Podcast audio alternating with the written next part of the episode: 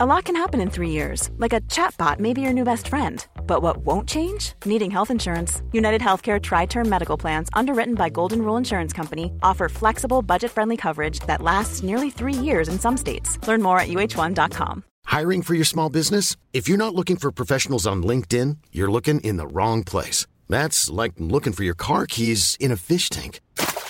LinkedIn helps you hire professionals you can't find anywhere else, even those who aren't actively searching for a new job but might be open to the perfect role. In a given month, over 70% of LinkedIn users don't even visit other leading job sites. So start looking in the right place. With LinkedIn, you can hire professionals like a professional. Post your free job on linkedin.com slash people today. Many of us have those stubborn pounds that seem impossible to lose, no matter how good we eat or how hard we work out. My solution is PlushCare. PlushCare is a leading telehealth provider with doctors who are there for you day and night to partner with you in your weight loss journey. They can prescribe FDA-approved weight loss medications like Wagovi and Zepbound for those who qualify. Plus, they accept most insurance plans. To get started, visit plushcare.com slash weight loss. That's plushcare.com slash weight loss. Quality sleep is essential. That's why the Sleep Number Smart Bed is designed for your ever-evolving sleep needs. Need a bed that's firmer or softer on either side? Helps you sleep at a comfortable temperature? Sleep Number Smart Beds let you individualize your comfort so you sleep better together. JD Power ranks Sleep Number number 1 in customer satisfaction with mattresses purchased in-store. And now, save 50% on the Sleep Number limited edition Smart Bed for a limited time. For JD Power 2023 award information, visit jdpower.com/awards. Only at a Sleep Number store or sleepnumber.com. I don't need a lot of brains in this business. I mean, I've always said if you got an IQ of 160, give away 30 points to somebody else because you don't need it in investments. What you do need is emotional stability. Wow. Very first tech IPO, and it's a big one. Stock market hit an all-time record high today.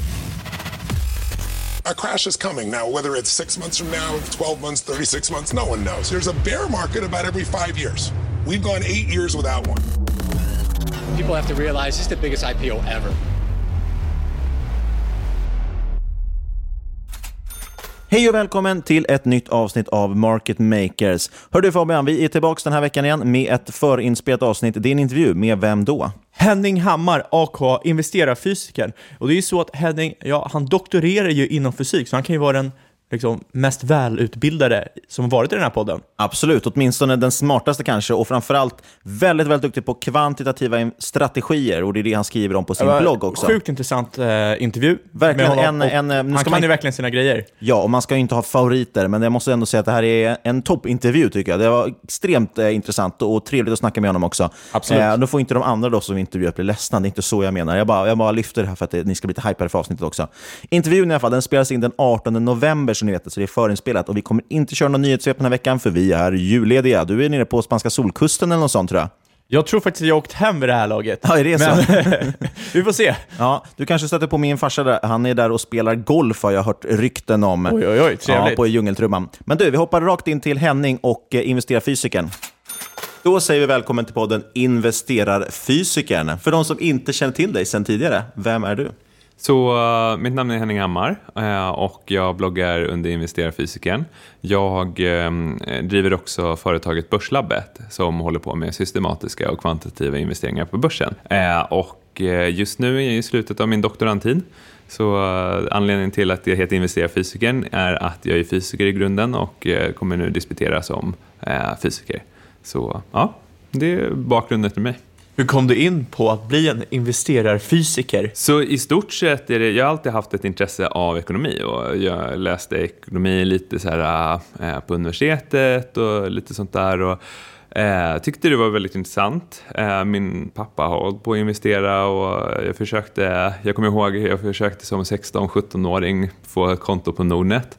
Men min pappa hade sjabblat bort pengar på eh, aktier så att då fick inte jag hålla på med aktier. Eh, så när jag väl var 18, så det var 2008, så köpte jag mina första fonder och Eh, det gick ju ner 50 procent eller någonting sånt där. Så det var ju en bra början och eh, sen dess så har jag tänkt så här, varje gång när jag börjar började, eh, när jag skulle börja jobba eller börja doktorera, då kom jag på att ah, men jag måste ju investera mina pengar som jag får över. Och eh, då vill jag göra det på bästa sätt. Jag var helt övertygad av att indexfonder var ju bästa sätt, för det var ju det man hade läst på universitetet. Sen kom jag över en ja, men jag kollade bara på en graf på IT-bubblan och finanskrisen och tyckte att nej, indexfonder känns inte som den bästa, det bästa sättet. Så eh, jag började kolla på, läsa mer om så här, finns det bättre sätt och eh, kom in på systematiska investeringar. Eller jag kom egentligen in på typ så här, ja, men bloggvärlden, Warren Buffett, allt det här. Hur kan man typ Peter Lynch, hur kan man hitta billiga bolag, bra bolag? Satt själv och gjorde massa analyser och sånt där. Jag menar, det var ju inte som att jag kom in i det ganska bra och analysen ganska bra och jag kollade upp lite bolag som jag analyserade för några år sedan och eh, hur de har gått efter det. Och eh, det är ju många som har hittat som det var riktigt bra. Men eh, det var många som också gick väldigt dåligt där man hade helt fel analysen. Och i alla fall, det, det förde mig in på det här med systematiska investeringar. Och eh, det är det som jag håller på med idag. Och eh, där man egentligen tar bort eh, faktorn att själv sitta och göra analysen till att ja, investera vad det är som funkar. Hur drar du nytta av din bakgrund som inom fysik och även då nu som doktorand? Liksom? Hur drar du nytta av den? Och jag tänker framförallt kanske matematiska. Jag antar att det är liksom lämpar sig väldigt väl för systematisk handel. Ja, så, så, för mig var det ju väldigt lätt att ta det steget. Eller så här kan man säga att jag börjar med att när jag skulle förstå vad är det som funkar. Ja, men då vill jag ju se tester på vad det är som funkar. Så då var det väldigt naturligt att gå in på eh, sidor och böcker och eh, läsa akademiska artiklar. Jag läste en hundradals akademiska artiklar om vad som funkat på börsen och sånt där. Vad akademin säger. Eh, och Eh, det var, jag menar, det är ju det som jag läser annars i min forskning. Så då tänkte jag, men jag kan ju bara göra, applicera liknande när jag eh, väl håller på att ska investera. Sen så är ju, jag har en väldigt bra erfarenhet med att arbeta med data. Eftersom jag håller på med fysik som jag gör, jag sitter ju och räknar på olika problem. Eh, och eh, då sitter man ju och programmerar och sitter och arbetar med stora datamängder. Eh, vilket lämpar sig väldigt bra för aktiemarknaden för att det är väldigt stora datamängder. Så först läste jag om det, sen tänkte jag men det här måste jag testa. Så att jag har alltid haft, och det, det som varit bloggen har varit väldigt bra, att jag alltid kunnat pitcha att så här, jag läser någonting, jag skriver om det, jag testar det själv och sånt. Och eh, bästa möjligheten var ju det när man väl sen kunde testa på, eh, fick tillgång på svensk data och kunna testa Eh, liknande teser som man hade testat på USA-börsen men på Stockholmsbörsen och se om det funkar här. Funkar det här? Det funkar väldigt bra här. Till och med bättre här. Eh, jag tänkte på, just med, med, statistik också kan jag tänka mig att du har läst en hel del, speciellt om du dessutom då forskar, liksom, så, så måste man ha koll på det. Det borde också vara någonting tänker jag, som gynnas väldigt bra, med tanke på att på börsen jobbar man ju i princip med hela tiden med slumpmässiga rörelser. Ja, nej men det är väldigt intressant. Jag var också, ett tag så var jag väldigt in på det här nördiga biten, det som till exempel om man tänker sig en fysiker som går över till eh, och håller på med investeringar på börsen. De hamnar oftast på den här statistikavdelningen eller det är de som sitter och räknar eh, till exempel optioner och derivat och sådana saker. Eh, och och, eh, så jag gick in djupt i det här med Black Scholes-modellen, vad är det man har? Och då är det att man har någonting som heter Ito-calculus. Eh, nu borde vi inte gå in på det för att jag, menar, jag förstod det knappt och då tyckte jag att ja, men det här är liknande det jag gör, men ändå väldigt svårt. Man har i stort sett, man tänker att allting är, är slumpmässiga variabler. Och så istället för att du har definitiva variabler så har du slumpmässiga variabler. Och så försöker du hitta pris om ett år och sånt där. Men du tar ju och antar att allting är slumpmässigt, eh, vilket det inte helt är. Utan det är ju ganska slumpmässigt, men det finns ju ändå en viss prediktiv faktor. Och om man vill läsa mer om det här så kan man ju givetvis läsa, vad heter han, eh, Taleb eh, som är väldigt bra på att såga alla de här modellerna som man använder inom eh, finans. Och det är väl det som jag kände att, okej, okay, för mig, det hjälper mig inte och eh, lära mig den här djupa matematiken utan eh, det är ju så här, ja men jag sitter på bank och eh, ska ge ut optioner, ja men då hjälper det mig. Men i mitt investerande hjälper det inte någonting. Utan i mitt investerande så hjälper ju statistiken när det gäller att analysera de enskilda aktierna och vad det är som funkat. Och, eh, vad, dra den analytiska förmågan där. Alltså vad, vad är det man kan dra för resultat av att eh, ja, speciella händelser och sånt.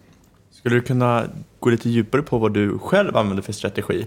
Eh, den här mekaniska strategin och eh, ja, helt enkelt eh, ja, för, förklara den för lyssnarna. Och innan vi gör det kanske också ska definiera systematisk handel. Bara för att ifall det är någon lyssnare som inte vet vad vi pratar om så är, så är de med i avsnittet också. Ja, så jag kan ju gå tillbaka till, så systematisk handel betyder ju då att man helt enkelt går efter regler. Så det är helt förutbestämt, man gör ingen egen aktiv bedömning utan man bara investerar efter systematiska regler och det är därför det heter systematiskt. Eh, många säger också att det heter kvantitativt investerande. Det är ju för att du kvantifierar det du vill investera efter. Eh, till exempel en enkel systematisk strategi är att köpa de tio billigaste aktierna på, på Stockholmsbörsen till exempel varje år eh, efter P-talet. Eller någonting sånt, eller de som har högst direktavkastning. Um, så det jag har gjort till Börslabbet är att jag har testat alla de här strategierna eh, för att hitta den bästa, de bästa strategierna. Dels, det har gjorts enormt mycket forskning om det här i USA eh, för att hitta bra strategier och sånt där. Eh, så jag tänkte att ja, men jag kan testa och implementera det som man har hittat i USA som funkar väldigt bra. Och det visar sig att det är vissa saker som funkar bra eh, och och eh, som funkar i stort sett liknande som i USA. Så en, eh, det finns en liten halvbibel i ämnet som heter What Works on Wall Street som testar genom nästan alla nyckeltal på USA-börsen. Eh, den här eh, What Works on Wall Street kom fram till att en strategi som heter trendande värde var bäst. Eh, och det var den i stort sett jag ville testa här på Stockholmsbörsen när jag satte igång. Trendande värde innebär att eh, man har ett eh, sammansatt värdemått Sammansatt värdemått betyder att man eh, mäter mäter ett bolags billighet på eh, de här standardnyckeltalen, så här pris mot vinst, pris mot försäljning, pris mot eh, fritt klass, kassaflöde, hur hög direktavkastning du har och sånt. Och så vill du ha de som har haft en bra prisuppgång. För att det är ju det med värdebolag, att oftast så är det motiverat att de ska vara billiga och du vill undvika dem, så du vill ha bara de som gillas av aktiemarknaden just nu. Och det är ju de som har en viss eh, prisuppgång och det kallar man momentum. Och det är ju därför den heter trendande värde. Något annat som jag såg som funkar väldigt bra på svenska börsen, det var att eh, bolag som har högt direkt, hög direktavkastning och hög avkastning på eget kapital har gått väldigt bra här. Eh, vilket var till lite min förtret, för att jag var så här, när jag höll på att börja blogga och sånt så skrev jag om att ja, men värdeaktier, det är det enda rätta och sånt där. Eh, I USA har det visat sig att det inte varit så bra att investera efter direktavkastning. Eh, och det har ju blivit en väldigt stor direktavkastningstrend där i USA. Man vill ha eh, kassaflöden lite, lite i samband med det här med att man ska vara egen eh, vad heter det, ekonomiskt fri och liknande. Eh, och det har ju varit en väldigt stor trend i Sverige också, att man ska vara utdelningsinvesterare och sånt. Eh, och jag kände mig inte helt identifierad med den trenden, utan jag tyckte att det är så här, ja, ja, men man kan ju inte bara fokusera på utdelningar. Sen visade det sig i mina tester att det var väldigt bra att investera efter utdelningar, vilket faktiskt stämmer överens med USAs, eh, med vad som har hänt i USA om man justerar för deras återköp. För, om man har, eh, för i USA har, gick man över på 80-90-talet till att börja göra väldigt stora återköp. Eh, så att om man gör både återköp, inkluderar både återköp och direktavkastning får man ett värde som är ett nyckeltal som kallas shareholders yield i USA. Och det här kombinerade nyckeltalet eh, har visat sig fungera väldigt bra fortsatt. Och, eh, det är ju, men här i Sverige har vi knappt något återköp så att direktavkastning funkar bäst här. Och eh, direktavkastning tillsammans med momentum var också väldigt bra. Och det, det handlar om så här, det handlar om eh, de bolag som effektivt distribuerar sitt kassaflöde till ägarna. Och eh, det finns en del teorier varför just det, direktavkastning och höga eh, shareholders yield, varför det är bra. Men jag vet inte, det, ja, det visar sig att det har varit väldigt bra. Och det, eh, det har varit mycket effektivare för marknaden att allokera det här kapitalet. Eh, och det har varit bra att köpa högutdelande bolag än att göra det motsatta. Sen får vi ju se hur mycket, jag tror inte bara, alltså visst det har varit en viss trend av det här som har pushats av att vi har haft sjunkande räntor och det, då är det bra att investera i de här. Men de har ändå varit ganska länge som det har funkat och man har testat i olika ränteförhållanden och sånt där. Så, eh, det är ju helt klart. Och den andra strategin är hög avkastning på eget kapital. Och eh, där är ju i stort sett, får man ju de här kvalitetsbolagen. Eh, det har inte funkat lika bra i USA och så. Det är ju många som känner till strategin Magic Formula. Och då har man ev-ebit eh, och hög avkastning på, eget, eh, på insatt kapital. Om man bara har Vissa har visat i USA så egentligen funkar det bättre att bara köra ev-ebit. För själva värdefaktorn är mycket starkare där. Men i Sverige har det funkat ganska bra att köra Magic Formula och den funkar bättre ibland än e, bara ev-ebit. Eh, men också bara hög avkastning på eget kapital har funkat väldigt bra, speciellt i midcap-segmentet. Och eh, det tillsammans med momentum eh, får verkligen ut de här högt eh, växande småbolagsaktierna som eh, lyckas väldigt bra investera sitt egna kapital och lyckas växa och sånt. Så det är en stor korrelation med vinsttillväxt och omsättningstillväxt och så. Eh, vinsttillväxt och omsättningstillväxt tillsammans med eh, hög avkastning på eget kapital funkar också bra. Så alla de här. Och så bara momentum har också funkat väldigt bra i Sverige. Så många pratar om värde och momentum. Kombinera de två så får man bra strategier och det är det som Börslabbet gör. Eh, men också bara momentum har funkat väldigt bra i Sverige. Och eh, där är en stor skillnad mot värde och moment. Alltså, I USA till exempel så bruk, eh, har man sett att eh, värde och momentum är ungefär likvärdiga, ibland värde lite bättre. I Sverige däremot så är eh, momentum klart bättre än värde. Eh, och eh, det, det, ja, det har man sett ganska tydligt, speciellt i mindre bolag. Eh, skulle, jag ser det också i mina tester, tar jag bara med bolag som är ja, large cap, 10 miljarder plus. De är så effektivt prissatta så det är väldigt svårt och det, där momentum funkar inte alls lika bra. Eh, och det finns ju vissa eh, sätt att investera i sådana här momentumaktier och då är det via eh, Ja, och då är det oftast att de, det är stora bolag och sånt. Men eh, just i midcap-segmentet, det har varit en väldigt bra del, men också small cap och sånt. Och investera i momentumbolag. Mm. Eh, Eh, vet du varför det finns en sån här skillnad mellan till exempel USA och Sverige och vilka strategier som fungerar bäst? Så, det är lite, vad ska man säga? Jag skulle säga först, eh, den här skillnaden mellan eh, Sverige och USA, det finns faktiskt mellan Sverige och internationellt. Eh, att Eh, nej, inte Sverige internationellt utan USA internationellt. Så att man har ju sett, också amerikanska firmor har ju sett att okay, momentum funkar mycket bättre utanför eh, USA jämfört med eh, i, USA. Där får man ju också, det är svårt att säga, USA, det är en marknad, det är 5000 bolag. Och eh, jag vet inte om det är att folk är mer snabba på att reagera där eller eh, det är ju mycket mer Eh, det är många, där, där, all, hela den här utvecklingen har gått så mycket snabbare fram där. Det är mycket hårdare konkurrens och allting. Eh, så man ser ju, det finns ju ingen som gör liknande grejer i Sverige, vad jag har sett, eh, som jag gör. Eh, och eh, i USA finns det tiotal eller mer, alltså det är många. Eh, bara här nyligen så var det någon som skrev till mig från USA, som är en svensk i USA, som gör liknande grejer. Men ehm, det är ju, vad heter det, det är inte alls lika eh, stort eh, här. Och, eh, vilket gör att så här, hedgefonder och sånt som kanske har utnyttjat det här, eh, ja, det finns ju så, så mycket stora och sådana i USA men inte lika stort här. Så det kan vara en skillnad. Eh, momentumeffekten till exempel, den upp, ja, folk hittade 93 eller någonting sånt där. Sen mitten på 90-talet var det jättemycket forskning om det och det, det kan ju folk ha varit att folk börjar använda det och då, då försvinner ju det någorlunda. Eh, men ehm, eh, värde har ju varit, jag tror värde funkar bra därför att det, är ju, det har ju funnits länge och det, det är så här, det, jag fann mycket tröst, eller vad ska jag säga, anledningen till att jag tror att det här funkar, det är ju för att eh, Benjamin Graham som skrev ehm, eh vad heter det, intelligent investor.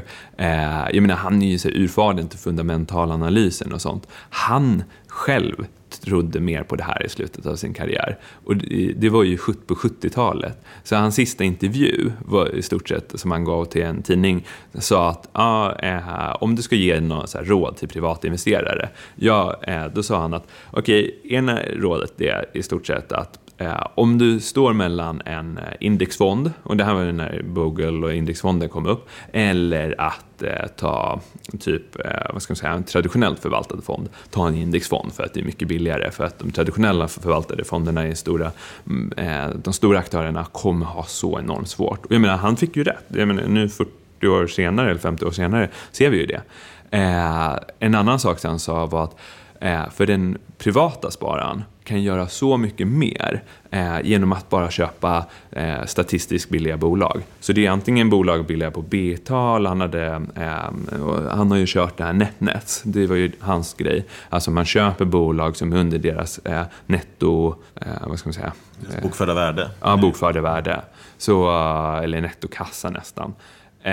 och det, ja, nej, men så det var väldigt intressant. Jag menar, efter honom, så att han hade ju då studerat 50 år aktiemarknaden. Efter honom så har ju folk gjort tester så här egentligen från, okej, okay, om du följde hans råd där 73 eller nu kommer jag inte ihåg, någonstans på 70-talet. Eh, och till idag, eh, då har du fått väldigt bra avkastning. Alla de här strategierna är ju typ baserade på hans principer och sånt där. Och det är ju det som Buffett implementerat. Joel Greenblatt är en annan känd eh, investerare som tjänar 40-50% per år. Eh, och eh, han implementerade det här. Det var ju därför han tog fram också Magic Formula. Han såg så här, ja, men folk gör ju så mycket dumma misstag, ja, men bara kör, köp billiga och bra bolag eh, så kommer det lösa sig. Och, eh, ja, och det är ju det som också eh, de här är. Sen är det ju inte helt lätt. Och det är ju det som är också grejen, att eh, vara aktiv investerare är inte helt lätt. Det var inte helt lätt att vara Buffett under IT-bubblan heller. Eh, hans fond gick ju ner, vad var det, 50 procent 98-99 där, precis när eh, hela eh, IT-galen era och eh, jag tror Nasdaq gick upp 100 procent. Så att det, man, man ska inte, eh, ja, det är inte lätt hela tiden att vara den här, investera i sådana här bolag. Men Ja, och det är det som är därför vissa talar för indexfonder. Att ja, men indexförvaltning, ja, men det, då följer ändå index. Och då så här, om det ena är, alltså ifall IT-aktier är håsade, ja, men då, du kommer ju aldrig underperforma index.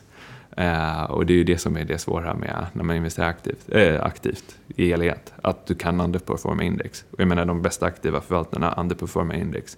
Oavsett om det är Joel Greenblatt eller eh, Warren Buffett. Men de har ju fått hög avkastning också, eh, alltså över tid. Vi ska prata lite mer om, om svårigheten och vilka psykologiska liksom, effekter det finns. Men jag tänker om man verkligen börjar från början. Vi gjorde ett avsnitt, avsnitt 50 tror jag, om, eh, om kvanthandel där vi gick igenom en del av de här strategierna. Men det jag tror vi inte gick igenom och som jag tänker att du är verkligen borde vi nyttja nu när du är expert på det här. Om jag går in på till exempel vi säger börsdata eller jag vet att på ditt börslabbet då till exempel också och så väljer jag att den här strategin ska jag köra. Eh, hur många bolag ska man ha i en sån här portfölj? Ska man ta det bästa bolaget? Ska man ta 100 bolag? Och som du sa, midcap kanske är mer intressant än large cap för momentum och sådär. Alltså, var börjar man någonstans och hur mycket tycker du, jobbar man med backtesting då eller hur, hur kommer man igång? Så eh, jag har gjort väldigt mycket tester på eh, Börslabbet och Börslabbet handlar ju i stor del om att Eh, ge ja, men just material för att du ska kunna komma igång. Och det finns flera kurser på Börslabbet och jag svarar också väldigt gärna på frågor och sånt där om de här strategierna. Eh, och från, utifrån det kan jag säga att det, det som jag ser är att koncentrerade portföljer är bättre. Eh, det har man ju också sett i USA, men mer volatila.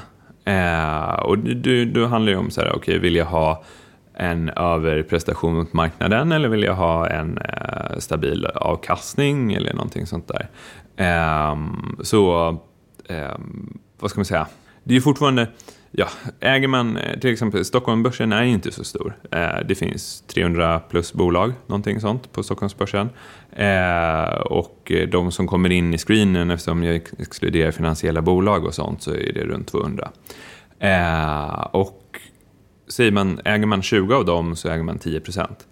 Och det är ju eh, det är ganska koncentrerat och det, det, blir ju ganska volatilt och sånt där. Men det är fortfarande eh, en okej. Okay. Då, då, är ju oftast, så då får man oftast bra avkastning. Men sen kan man ju utöka till att äga hur många som helst. Där.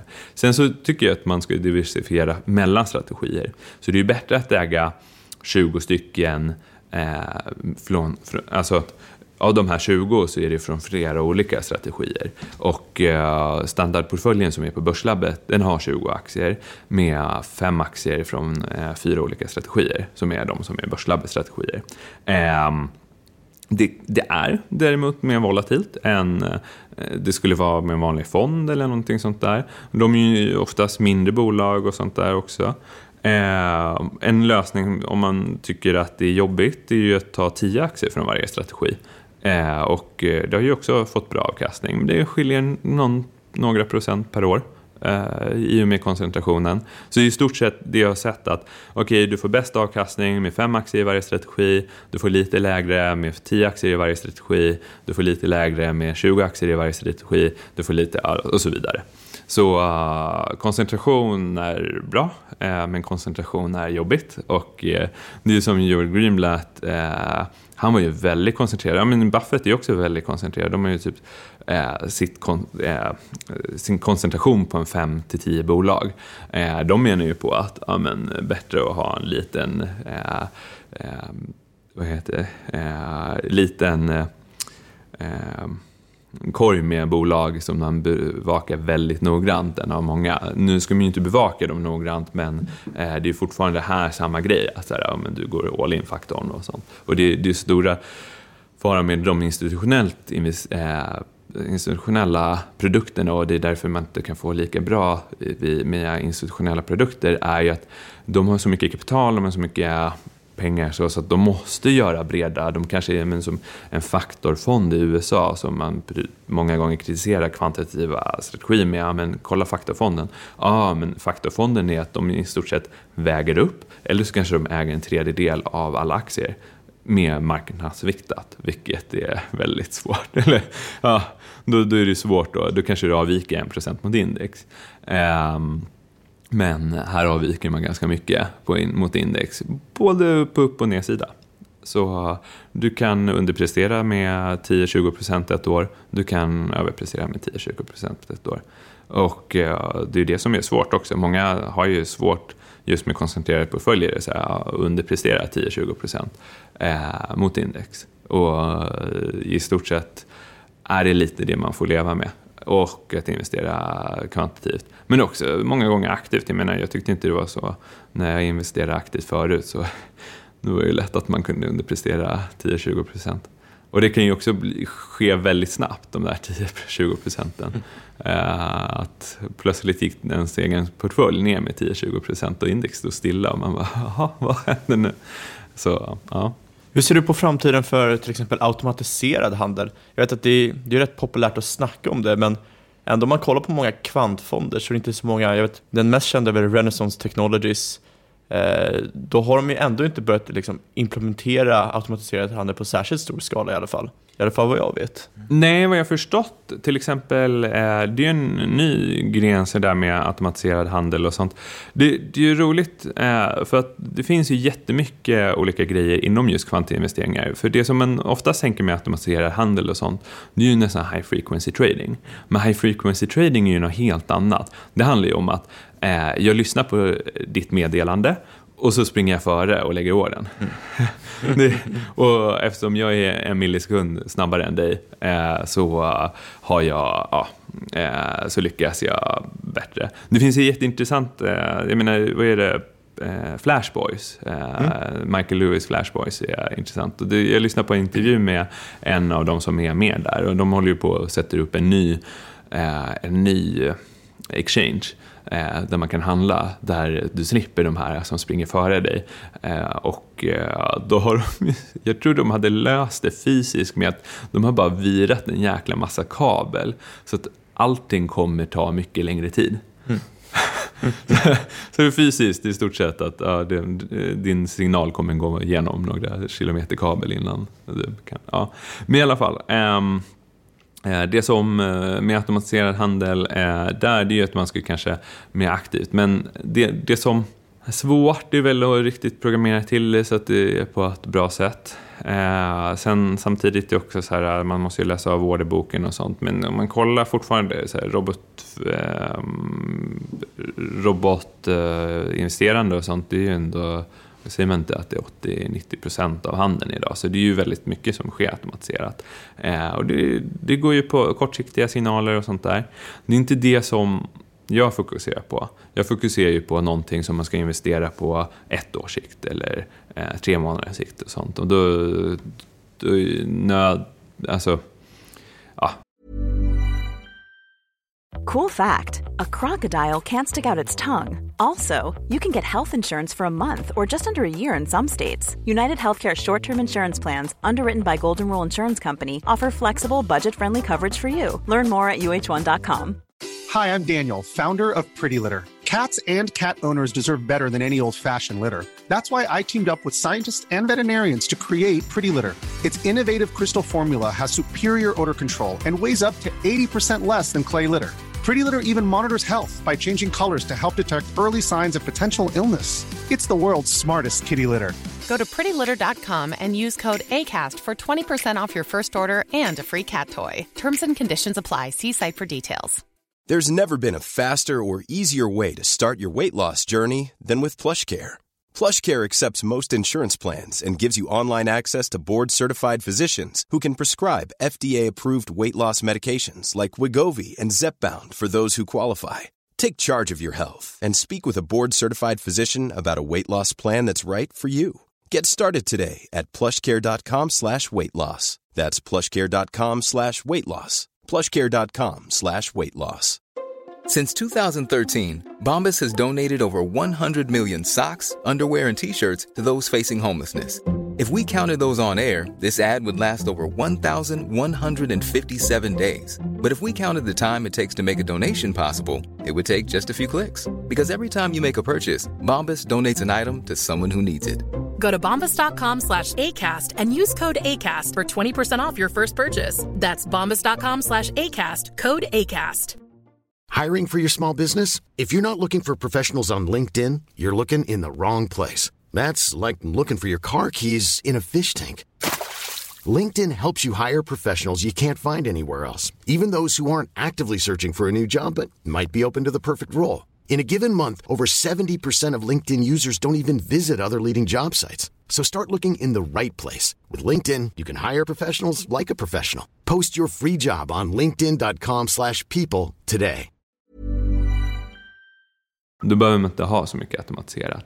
Sen eh, så är det ju intressanta, jag menar det som hedgefonderna gör, det är ju att man har eh, program och saker som går väldigt snabbt Eh, som kanske analyserar data intradags och sånt och helt automatiserat. Och då, då, där är ju väldigt, och det är ju de som är, det, är det som är robotarna idag på marknaden. Att det är folk som eh, ger likviditet i marknaden, eh, de ser att eh, om, om någonting drar till exempel, Eh, till exempel om de ska vara market makers i någon ETF eller någonting sånt där. Då, då, det är ju förprogrammerat och då, då sitter de och eh, sköter det här och eh, sånt. Sen nya fältet med maskininlärning, det, där har jag nog inte använt så mycket, men jag tror det kommer mer och mer inom den sektorn. Renaissance Technologies vet jag att de använder mer, de har väldigt bra data och så kör de, eh, hittar de strategier utifrån sin bra data. Eh, jag lyssnade på ett avsnitt där de intervjuar folk som höll på med till exempel maskininlärning mm. på aktiemarknaden eh, i USA och de sa att de här, de här behöver inte hålla på eh, med maskininlärning än. Exakt, och det var antagligen det jag tänkte på. Mm. Det var just maskininlärningen på marknaden. Mm. Nej, men de behöver inte hålla på med maskininlärning mm. än för att de har bara bra data. Och det är deras möt kan man säga. Det är deras data. Eh, maskininlärning, det kommer ju nog komma mer och mer men eh, jag tror där finns ju, eh, om man beger sig in i den väldigt, eh, vad ska man säga, eh, konkurrensutsatta marknaden som kortsiktig handel är, eh, där kan man nog använda maskininlärning på ett bra sätt. Och jag vet ju själv eh, personer som typ, ja, vi har en, en på vår avdelning som eh, börjar jobba med maskininlärning på en hedgefond och jag har själv blivit kontaktad av hedgefond om att jobba med maskininlärning på sådana saker. Och, ja, så det, det verkar ju finnas. Alltså det verkar ju, de verkar ju sno typ fysiker och eh, folk som har bra matematisk eh, sinne för det här. Ja, det finns väl någon gammal, gammal citat eh, från USA. Jag kommer inte exakt ihåg hur det löd, men det var om eh, 10% av alla de fysikerna som gick till Wall Street bara skulle stanna kvar eh, i akademin så hade det varit 20 eller 30 år i framtiden. Vi hoppar till det här med du sa med, just det här med att man ombalanserar portföljen. måste man göra om man, om man jobbar med den typen av strategier som du håller på med. Hur ofta gör man det då? Ska man göra det varje dag, varje kvartal, varje år? Så i USA är standard uh, svaret till det där varje år. Eh, men det varierar på, eh, beroende på vad för strategi du kör. Eh, så att det man har sett i USA har varit varje år för värdestrategier, varje kvartal för strategier med momentum. Och det är ju exakt det jag har sett här i Sverige. Så om du har någonting där det bara är värdekriterier, då är det varje år. Är det någonting där det bara är momentum, då är det varje kvartal. Och sen kollar jag också Eh, om man vill ha, om man kombinerar värde och momentum, då är det oftast bra att ha varje kvartal här i Sverige. I USA är man lite så här, nej men man kör det varje år. Men i USA har de också en skatte Eh, där kan det vara skattemässigt fördelaktigt att göra det varje år för att du kan då matcha in det med om du har kortsiktig skatt eller långsiktig skatt på eh, ja, kapitalskatt eh, och det hamnar vid ettårsgränsen. Så då kan du ju då få mycket lägre skatt om du har eh, har, håller en aktie som har gått i vinst lite mer än ett år och eh, eh, får bra avdrag om du behåller den som gått i förlust mindre än ett år. Men eh, som alla börslabbstrategier har varit bra att fördela om kvartalsvis. Men eh, min amerikanska portfölj den fördelar jag om årsvis till exempel. Och hur ser du på faran med att just backtesta, alltså titta på gammal data och så dra slutsatser från det?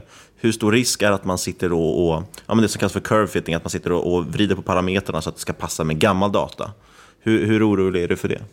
Ja, och det är det här som är lite, det här tror jag är väldigt viktigt med det här och det är det som är jag vet inte, folk har ju pratat om, eh, jag har lyssnat på folk som till exempel använt eh, maskininlärning på sån här data och maskininlärning handlar just om curve fitting.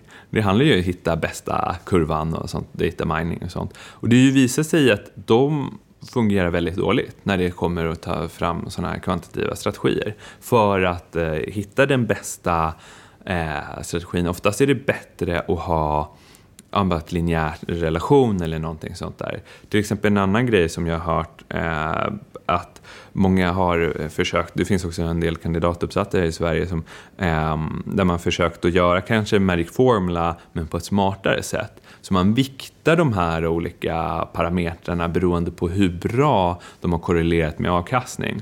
Till exempel också det här med sammansatt värde jag nämnde tidigare där man kombinerar eh, P och eh, PB och sånt där. Eh, och det alla har funkat sämre. Och det visar ju på att oftast enkelheten är bättre än att verkligen da, eh, datamina eller kurvanpassa. Eh, sen är det ju också det här det måste ju vara i sunda principer. Det måste finnas någon psykologisk princip. Och det är så snyggt med både värde och momentum, men det är, så här, det är det man har verkligen arbetat på att ta fram. Och det är det som jag också har arbetat på att ta fram. Jag menar, själv, jag var lite, jag måste ju testa utdelningsaktier, men utdelning är ju, det är det alla, läser du runt i sociala medier eller bloggar och böcker och sånt, alla säger prata, köp utdelningsaktier, då blir du rik. Eh, men, eh, och så säger jag, men jag får väl testa, är det motiverat i datan? Så visar det sig att det var väldigt motiverat i datan. Det är ju inte bara folk som tar det här ur eh, sin hatt, utan det visar sig att du blir, får bra ersättning om du köper utdelningsaktier. Eh, så kanske inte utdelningsaktier i eh, den definitionen som porträtteras i media är samma som jag säger. Jag säger bara de med högst eh, direktavkastning och det kanske inte är det som folk skulle investera i. Eh, men sen, eh, och hög avkastning på eget kapital, värde. Jag menar, det här är saker som folk har sett i eh, hundra år och det här med momentum, det är ju så här, jag tror det är, vad heter det, Jesse Livermore eh, är väl också så här känd, en av de första som typ identifierar så här momentumgrejer och börjar eh, trade efter det här och man ser prisbeteenden och sånt. Jag menar, teknisk analys har ju funnits jättelänge och eh, sånt. Och det finns ju eh, jag tycker teknisk analys, eh, jag själv är väl inte jättestort fan av det, jag har försökt en del sådana regler, men eh, det, mycket, många av de här kan man säga har funkat bra på grund av att momentum funkar bra, eller på grund av att de här andra faktorerna funkar bra, så att det spiller över, så att glidande medelvärden har ju också varit bra eh, grejer. Men eh, oftast på grund av att det är momentum som funkar. Eh, och eh, prisuppgång. Och prisuppgång, så att, eh, ja, man brukar beskriva psykologiskt, så att det finns jättemycket beteendevetenskaplig forskning bakom det här. Värde funkar på grund av underreaktion, överreaktion på nyheter. Så att du tror för mycket negativt om ett bolag. Därför värderas det ner mycket och eh, marknaden överreagerar. Och det kan man ju bara se i, eh, det ser man ju bara på index. Till exempel över, eh, överreaktionen vid alla eh, björnmarknader är ju väldigt stor. Det är ju alla säljer av i slutet. Och det är ju väldigt intressant att se överreaktion på marknaden. Och det är där man ser att oftast, det är då lägen eh, att bli rik. ja, men typ kommer upp och sånt. Ja. Eh, Medan momentum är underreaktion. Det är underreaktion på eh, nyheter. Att, eh, man, är, man är skeptisk. Och eh, momentum, men det är ju bara att se att, eller att folk blir eh, ja, men, i stort sett om någonting ska omvärderas, till exempel om eh, ett bolag får väldigt bra vinst, eh, det tar ett tag innan det visas i aktiekursen. Eller eh, till exempel, jag kommer ihåg, det var Eh, ett bolag, eh, ifall det var Wilson Therapeutics, som blev uppköpta här i, eh, i våras. Och de var i ena en momentum, i momentumstrategin, för de hade värderats upp väldigt mycket, sen blev de uppköpta. Eh, och ja, det blev ju så här, de togs från börsen och, och man fick väldigt bra avkastning där. Eh, Oncopeptide som var eh, folk teoretisera om att ja, men de kanske också blir uppköpta, de borde också värderas upp. Det gick upp 6 procent den dagen. Eh, och folk, jaha. Eh, men momentumstrategin var så, okej, okay, men nu eh, Oncopeptides är den nästa man ska köpa, för Wilson är uppköpta. Eh, ja, inom en månad gick den upp 50 procent. och det är just att det tar ett tag innan folk reagerar på en nyhet och sånt. Och det då men ja, genom att hoppa på nästa ja, raket eller sånt. Jag menar, bitcoin, alla de här bubblorna är också bra eh, bevis på momentum. Att någonting som går upp 100% eh, på ett år kan gå upp 1000%. Eh, man hade ju varit med på Fingerprint-bubblan i en momentumstrategi till exempel.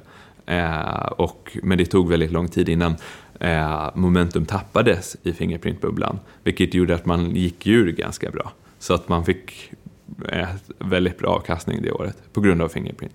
Eh, ja, sådana saker. Det där är ju intressant, för det är egentligen det grundläggande som, eller bakomliggande som teknisk analys bygger på, just att försöka teoretisera eller kvantifiera de, de eh, psykologiska effekterna som finns. Precis som du säger så är det ju, det är lite följa John ofta också, man, folk tenderar ju att köpa det som går upp. Och det klassiska är ju liksom, när det först börjar bli mainstream, det är ju när det verkligen är på toppen. För att då ska alla in, för att man tror att det kan bara gå upp. Men jag tänker på det just det omvända då också. Om man då sitter, som vi sa, vi sa även Warren Buffett har ju underpresterat index många år, ganska kraftigt dessutom. Hur gör man, hur tar man sig igenom sämre tider så att säga? För jag tänker att det är en sak om man har sin egen strategi som man har plockat ut. Man vet precis varför man köper bolagen, man kanske sitter och räknar på någon fair value liksom, och så tycker man bara då att det blir billigare och billigare när det går ner i pris. Men om jag följer en kvantitativ strategi, och jag tänker ändå att om man inte har gjort det jobbet som du gjort, för du vet ändå kanske varför det funkar, men för många är det ju lite en svart låda där man trycker på en knapp och så får jag ut de här tio bolagen ska jag köpa. Vad, hur, liksom, hur tar man sig igenom det psykologiskt tycker du? När det känns som att man bara stoppar in pengar i något som man inte vet hur det funkar. Ja, nej, men det är alltid svårt det där psykologiska. Och ja, men som du säger, typ, det som jag gör är ju för att klara mig igenom det psykologiska har jag ju studerat de här väldigt noggrant. Men jag, också, jag tror faktiskt att det lönar sig när man köper aktierna att eh, läsa bolagen. För jag menar, eh, eller läsa om bol, på om bolagen och sånt. För att jag, det är det som, därför jag också tycker att det är ganska säkert att köpa de här eh, aktierna. För att, eh, speciellt eftersom jag, eh, de mm, värdestrategierna, eftersom jag tidigare analyserar utifrån en värdesynsätt så tycker ju typ alla bolag är extremt billiga och bra och grejer och de tjänar jättemycket pengar om det typ man går utifrån några P-tal eller någonting sånt där eller att de ger jättemycket pengar tillbaka till ehm, ägarna som är utdelningsbolag.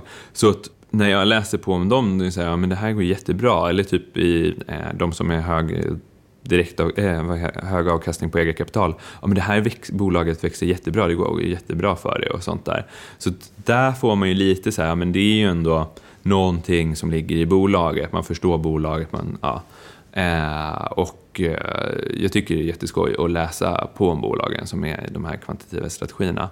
Men samtidigt är det ju som med alla, så här, ja, men det, det går emot den och det är ju segt. Och där, som, eh, mitt standardråd är dels ja, vara diversifierad bland strategier, vara diversifierad också bland eh, ja, dels bland strategier men också typ i sitt sparande i helhet. Att eh, man kanske inte är 100% i aktiemarknaden eller någonting sånt där utan man låter det gå. Jag menar, eh, det går upp och ner eh, det, det är ju till exempel ehm, både som vi har sett i år, men det som vi också sett under 2015 och som man såg under, eller 2015 i USA, inte i Sverige lika mycket, men också 2007, var att eh, precis när det blir lite oroligheter på marknaden, många av de här värdeaktierna, och många av de här, eh, kanske mycket momentumaktier också, de tenderar att gå lite svagare än resten av marknaden. Så man underpresterar lite initialt och sen kommer det en extra nedgång på det hela. Så först känner man, haha, min portfölj går dåligt och sen så går hela marknaden dåligt och då bara följer portföljen ner. Eh, och det är ju svårt, eh, helt klart. Och eh, det är ju någonting, ja, jag vet inte, det är, ju det är som i aktiemarknaden, man är, man är investerad och det går emot den. Och det man måste tänka på är att man är långsiktig med de här. Det är därför det är få eh, publika fonder med det här. De flesta som investerar efter sådana här strategier gör det i slutna eh, setups. Alltså i, de tar in pengar från investerare och så säger de att ah, vi behåller dina pengar i tre år. Men det är också de som är oftast eh, bra. Alltså jag menar de aktiva förvaltarna. Jag menar du kan ju, eh, privatsparare kan ju inte investera med de bästa förvaltarna för att de har ju bara långsiktigt kapital som de behåller tre plus år. Eh, jag menar, ja, Bridgewater och alla de här ah, stora hedgefonderna också, de har ju också kapital på länge. Eh, och eh, många kan, det är ju det som, därför typ Joel Greenblatt till exempel, han stängde ner sin fond. Den gick ju så bra. Och sen så, men han orkar inte hålla på med yttre investerare. För att han visste att med sin koncentrerade eh, Eh, approach. Dels så fick han för mycket pengar, så att, ja, det är ju alltid svårt att investera med mycket pengar. Eh, och med sin koncentrerade approach så kommer det vara väldigt volatilt och eh, han pallar inte ta eh, vad heter det, samtalen från en investerare om att ah, nu gick min fond ner 30% det här kvartalet, hur ska jag... Ja, men vi, vi tror på de här bolagen. Ja, och jag menar, det är ju samma med kvantitativa strategier. För det är ju bara, man använder ju typ alltså, liknande principer som de har, men implementerar. Och det är svårt. Ja. Finns det inte en risk då med att, som du säger, om man, om man då screenar fram bolag efter en strategi och sen faktiskt om man läser på lite om bolagen, då kan det ju vara så att man kanske får en dålig bild av något eller sådär. Är det inte en risk då att man avviker från strategin? Ja, det finns ju en risk och jag menar, eh, ja, det är ju väl mest att man ska inte hålla på och peta och eh, det får man ju, eh, ja, ha disciplin till att inte göra. Uh, och det är väl det som är alltid svåra. Och jag menar, ja, det, det är väldigt intressant. För jag tycker min blogg och eh, Börslabbet och sånt, är, ja, jag vet ju att det är många som har gått in på sidan, det är många som har läst Börslabbets studie och folk säger ja men nu är det här, hemligheten är ju ute, varför gör inte alla det här och sånt där. Ja men det är ju att man sitter och petar, det är ju ingen som vill göra. Det var ju, eh, jag lyssnade på en podcast på vägen hit och de, det handlar om eh, att eh, de sa att man, de, för, de för de flesta är ju det bästa kanske att ha bara indexfonder och eh, ha eh, en robotförvaltare som säger eh, någon slags fördelning. Men eh, folk kommer inte acceptera det. Och eh, då tyckte de att eh, saker som Robin Hood och sånt där, där folk får förlora massa pengar eh, för att de typ köpte säljer någonting på känsla, eh, är väldigt bra. För att det, om man gör det tidigt i livet så kommer man lära sig till nästa ja, krasch. Och, eh, jag tror det är väl samma där med kvantitativa strategier. Man måste vara långsiktig och det är ju vissa strategier som underpresterar längre tid. Och, eh, de som, ja, tre år är det väl längsta perioderna som jag vet att de underpresterar eh, här i Sverige och i USA. Om man har tillräckligt koncentrerat oftast. Men det kan ju bli längre givetvis också. Men eh, eh, ja, det är ju i stort sett någonting. Men eh, ja, svårt att säga. Ska vi köra några snabba? Ja, det kan vi göra. Och det går ut så här, vi mm. Eh, slänger ut ett ord eller mening och det första som du associerar det med, ja, det är det du ska svara helt enkelt. Mm. Mm. Så vi säger guld. Oj, eh, diversifiering. Favorittillgångslag? Nej, men nu blir det här anchoring. jag säger aktier.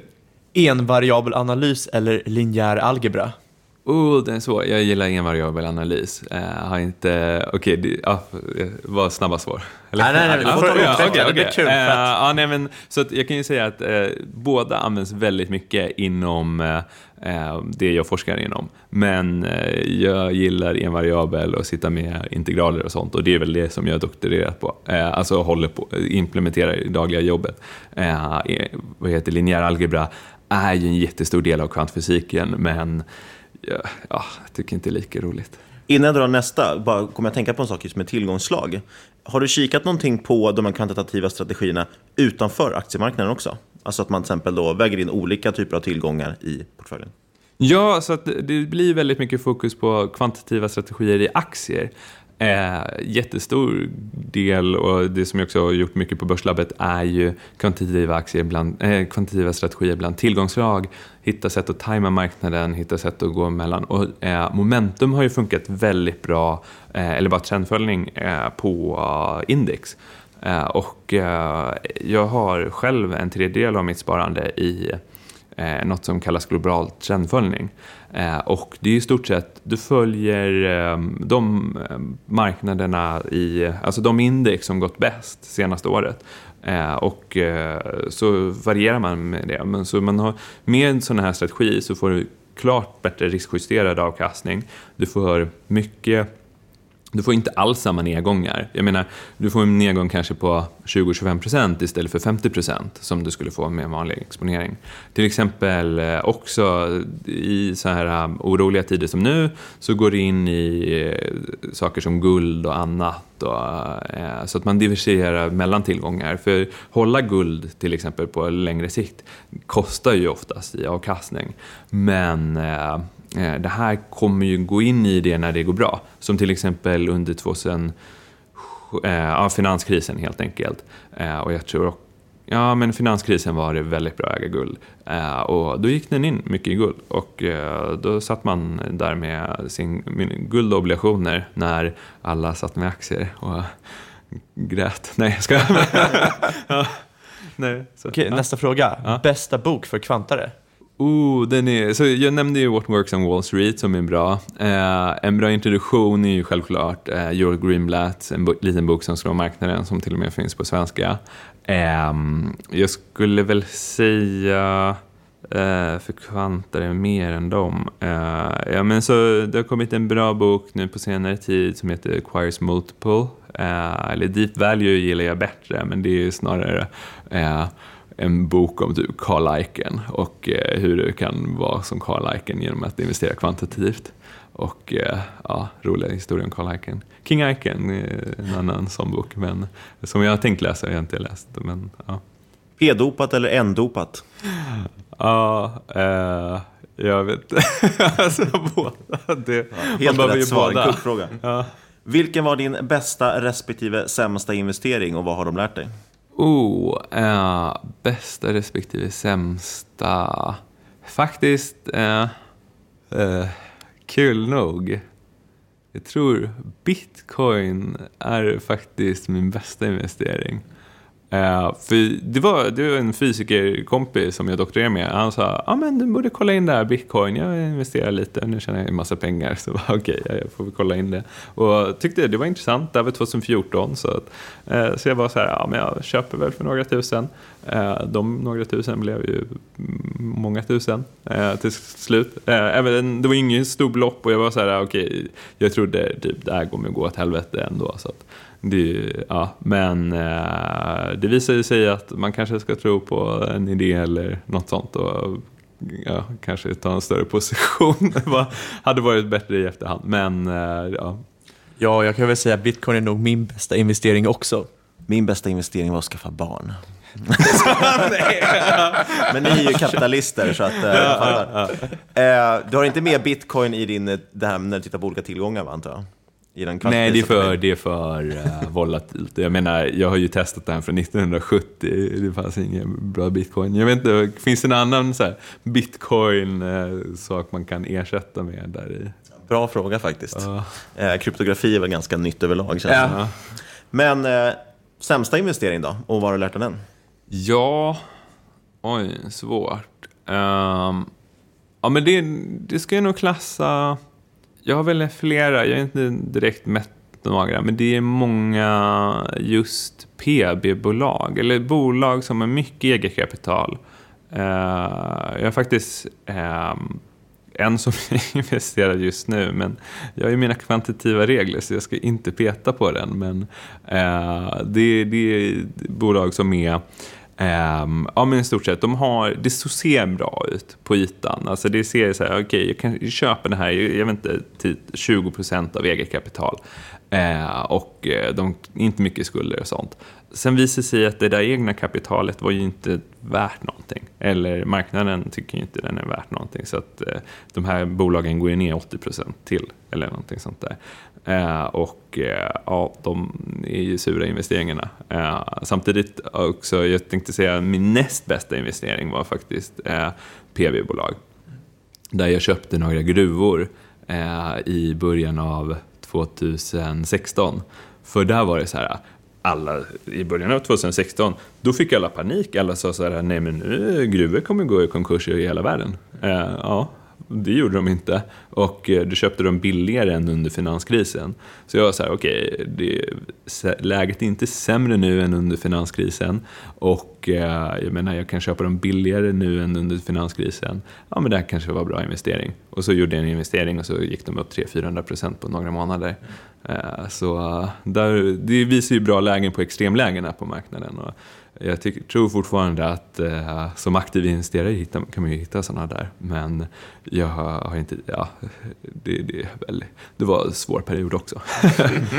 Risken lite med överlag med price to book och även, det går ju ihop lite med NetNets också. Mm. Att eh, på Grahams tid så var det eventuellt lättare, eller egentligen var det ju svårare också för att du hade, men du hade ju inte samma tillgång till information. Idag kan ju vem som helst i princip trycka in då, så här, price to book, sortera på alla under price to book 1 liksom. Mm. Och då bör man alltid ha fastställt sig frågan varför har de price to book under ett? För det är ofta som du säger, att ofta ser egna kapital inte värt någonting kanske. Jo, och det är i stort sett så här, det var shippingbolag som har varit, eller alltså bolag som äger skepp. Där är jättemycket pengar i skeppen och jättemycket pengar, eller så plattformar och så oljeplattformar och sånt. Jättemycket pengar i dem. Men de har jättemycket skulder också. Och det är det som eh, man måste tänka på, att bara shit, det här kan gå åt noll. För den som vill följa dig framöver, vad gör man det? Eh, ja, så dels så finns jag ju då på investerarfysiken.se som min personliga blogg och eh, Börslabbet går ju att hitta under då börslabbet.se eller borslabbet.se. Eh, sen finns jag också på Twitter, att eh, investerarfys, tror jag det heter där. Eh, och eh, så har jag också en podd som pratar om datateknik och företagande som heter Dataspaning. Så lyssna på den. Om ni Kanske vi kan nämna också, vi är inte sponsrade på något sätt av någon av de här, men eh, är man premiummedlem på Börsdata får man faktiskt också lite rabatt på Börslabbet, eller hur? Ja, det stämmer. Det stämmer. Kan vara bra att veta för den som vill kika på det. Ja, det är ju superintressant. Ja. Annars säger vi stort tack. Ja, tack, tack. Och då var vi tillbaks i studion igen. Vi säger ett stort tack till Henning, a.k.a. investerarfysikern. Otroligt intressant avsnitt. Det här med kvantitativa strategier är väldigt intressant. Framförallt är det så intressant om det... Alltså, många av dem de verkar så enkla om man kan hålla sig till dem och de har ju faktiskt gett jättebra resultat genom åren. Så jag vet inte varför man sitter och håller på och försöker med, med stockpicking och det ena och det andra man Ja, gör. problemet är att vi har ju båda, jag vet ju det, att vi har ju båda väldigt svårt att hålla oss till vår strategi. som, som de flesta kanske. Men oavsett vad du tycker om kvantitativa strategier ska du komma ihåg att inget hört i den här podcasten ska ses som rådgivning. Alla åsikter är våra egna, eller vår gäst och eventuella sponsorer tar inget ansvar för det som sägs i podden. Tänk på att alla investeringar är förknippade med risk och sker faktiskt under eget ansvar. Så är det. Men ni får jättegärna kontakta oss på podcast marketmakers.se. Också på eget ansvar. Också på eget ansvar. Niklas kan vara rätt otrevlig där, bite back. Eller på Twitter, at marketmakerspod. Och där är det om möjligt ännu otrevligare. Nej, jag skojar. Skriv jättegärna. Vi svarar på allt, eller vi försöker i alla fall svara på allt. Och även på Twitter försöker vi vara väldigt aktiva. Då. Och som vanligt, du får jätte, jätte, jätte, jättegärna gå in och lämna en recension på iTunes. Kanske berätta för dina föräldrar eller någonting nu på julen att de ska lyssna på Market Makers. Eh, kan vara liksom det bästa julklappen man kan ge till någon. Det är så, årets julklapp var ju, begagn, årets julklapp var ju begagnade kläder. Fast det här känns ju efter jul inser jag nu. Men jag, jag, men jag tror ändå det här släpps för 3 januari eller någonting. Så Ja, okej då. Man får ringa hem. Man får ringa hem till mig och säga tack för jul, det var jättetrevligt. Glöm nu inte att lyssna på Market Makers podd. Ja, ja. Eh, vi säger i alla fall stort tack till dig som har lyssnat. Vi hörs igen om en vecka och god fortsättning på er. Puss och kram!